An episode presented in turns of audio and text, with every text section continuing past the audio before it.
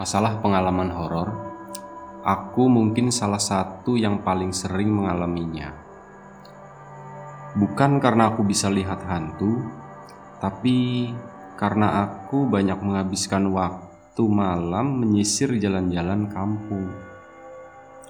Namaku Amir, dan aku adalah seorang pedagang bakso keliling. Dari situlah aku banyak mendapatkan pengalaman seram. Aku mulai menjajakan daganganku sore hari selepas asar dan bisa pulang hingga lewat tengah malam. Karena sering jualan sampai tengah malam inilah, aku jadi terbiasa dengan yang namanya hantu. Dan cerita ini adalah salah satu pengalamanku yang menurutku paling seram. Bulan Agustus tahun 2010 Hari itu aku mulai dagang seperti biasa. Alhamdulillah meskipun harus jualan sampai tengah malam Hampir setiap hari daganganku habis. Namun hari itu tidak seperti biasanya. Jam sudah menunjuk pukul 10 malam Namun daganganku masih ada sisa setengah Biasanya saat udara dingin seperti ini banyak yang nyari bakso. Tapi tidak dengan hari itu. Begitu sepi. Mau tidak mau, aku pun harus menempuh rute yang lebih panjang untuk terus mencari pembeli. Sayang kalau sampai daganganku tidak habis. Sepertinya aku harus ke desa sebelah desa Pesanakan. Akan tetapi jarak ke sana itu lumayan jauh dan aku harus melewati area kuburan lebih dulu untuk bisa sampai. Sebenarnya ada rute lain yang bisa aku ambil, namun jaraknya dua kali lipat karena harus memutar. Aku tidak mau waktuku habis di jalan. Sejujurnya ada sedikit rasa takut karena aku pernah mengalami hal tidak enak saat lewat sana. Tapi waktu itu tidak seberapa sih. Hanya gerobakku saja yang tidak mau bergerak. Jalanan cukup baik dan aku tidak melihat ada batu di sana. Ternyata eh ternyata gerobakku tidak mau bergerak itu disebabkan oleh ulah beberapa setan kecil kecil yang menghalangi dan mendorong gerobakku dari depan. Ada lima atau enam sosok anak kecil waktu itu. Kepalanya botak, kulitnya kekuningan, dan mukanya terlihat tua. Mungkin mereka tuyul, pikirku. Yah, kalau cuman setan-setan kecil gitu sih aku nggak takut. Aku baca doa sebisaku dan aku ambil beberapa kerikil, lalu aku lempar mereka. Mereka pun pergi dengan muka kesal. Dan hari ini aku terpaksa melewati rute itu lagi. Aku takut mereka balas dendam karena masalah tempo hari itu. Tapi sudahlah, aku harus ke sana demi daganganku. Malam semakin larut dan udara makin dingin. Aku hanya ditemani dua lampu minyak yang ada di gerobakku yang sesekali hampir mati karena hembusan angin yang cukup kencang. Aku terus berjalan menembus pesawahan menuju area kuburan itu.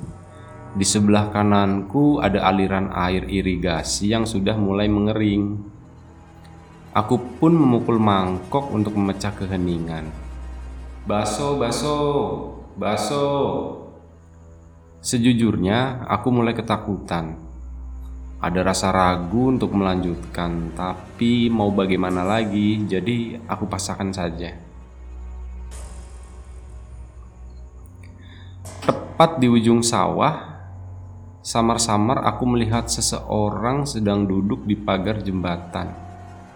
Itu sosok laki-laki tua yang sedang membawa kelapa. Anehnya, dia diam saja, bahkan saat aku makin mendekat Tepat di depan lelaki tua itu, aku pun menyapa. Permisi, Pak. Dia tetap diam saja.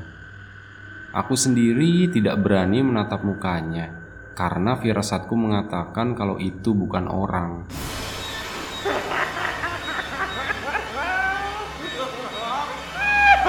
Langkahku aku percepat, jantungku mulai berdebar-debar. Aku takut kalau tiba-tiba saja dia berada di sampingku atau naik ke atap gerobakku.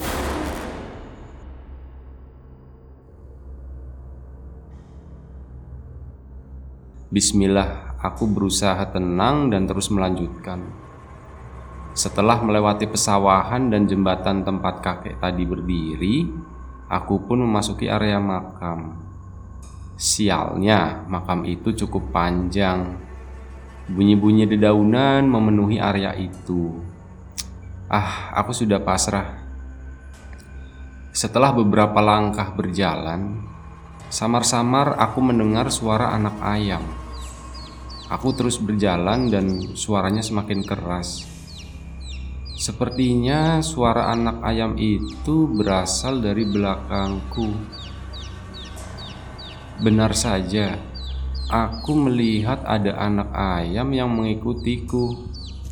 Saat aku berjalan, dia ikut jalan, dan saat aku berhenti, dia pun berhenti. Aneh banget. Setelah melewati pintu makam, aku pun berhenti dan mencoba mendekat ke anak ayam itu. Kali ini suaranya berhenti dan dia diam saja. Aku mendekat lalu menangkapnya. Mudah banget ternyata. Anak ayam itu masih diam. Mungkin ini karena sudah malam. Setauku ayam itu rabun senja. Jadi kalau malam tiba, penglihatan mereka tidak terlalu bagus. Tak berpikir panjang, aku pun memasukkan anak ayam itu ke gerobakku. Saat itu juga aku pun lanjut jalan. Aku tidak mau yang aneh-aneh terjadi lagi di sini. Baru beberapa langkah aku berjalan, aku merasa gerobakku sedikit berat dari biasanya. Aku coba cek rodanya, dua-duanya baik-baik saja. Hmm, apakah aku sedang dikerjai oleh setan-setan kecil itu lagi? Aku sudah cek semuanya, namun tidak ada apa-apa di sana. Aku kembali mendorong gerobakku.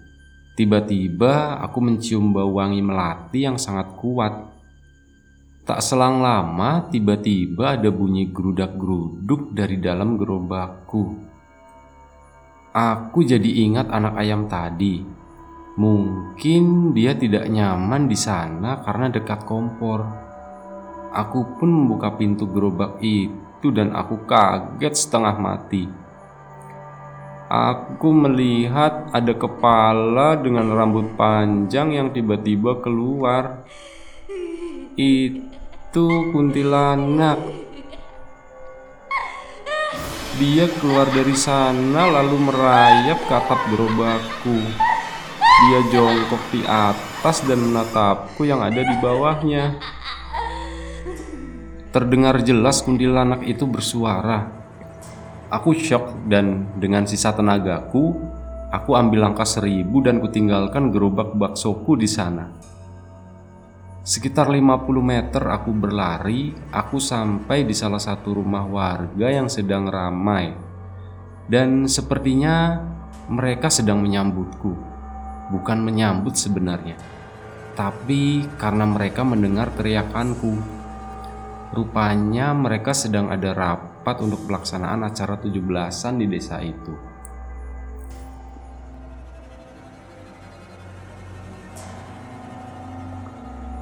Aku pun menceritakan kejadian tadi dan sebagian dari mereka tertawa. Mereka menyalahkanku. Kenapa aku harus lewat sana malam-malam begini? Penduduk situ pun tidak ada yang berani lewat sana kalau malam hari. Mereka lebih memilih jalan memutar yang lebih jauh namun aman. Setelah aku menceritakan semuanya, akhirnya ada beberapa warga yang mau mengantar aku mengambil gerobak yang aku tinggalkan tadi. Dan anehnya, semua warga tiba-tiba membeli sisa baksoku. Baksoku tidak tersisa sedikit pun.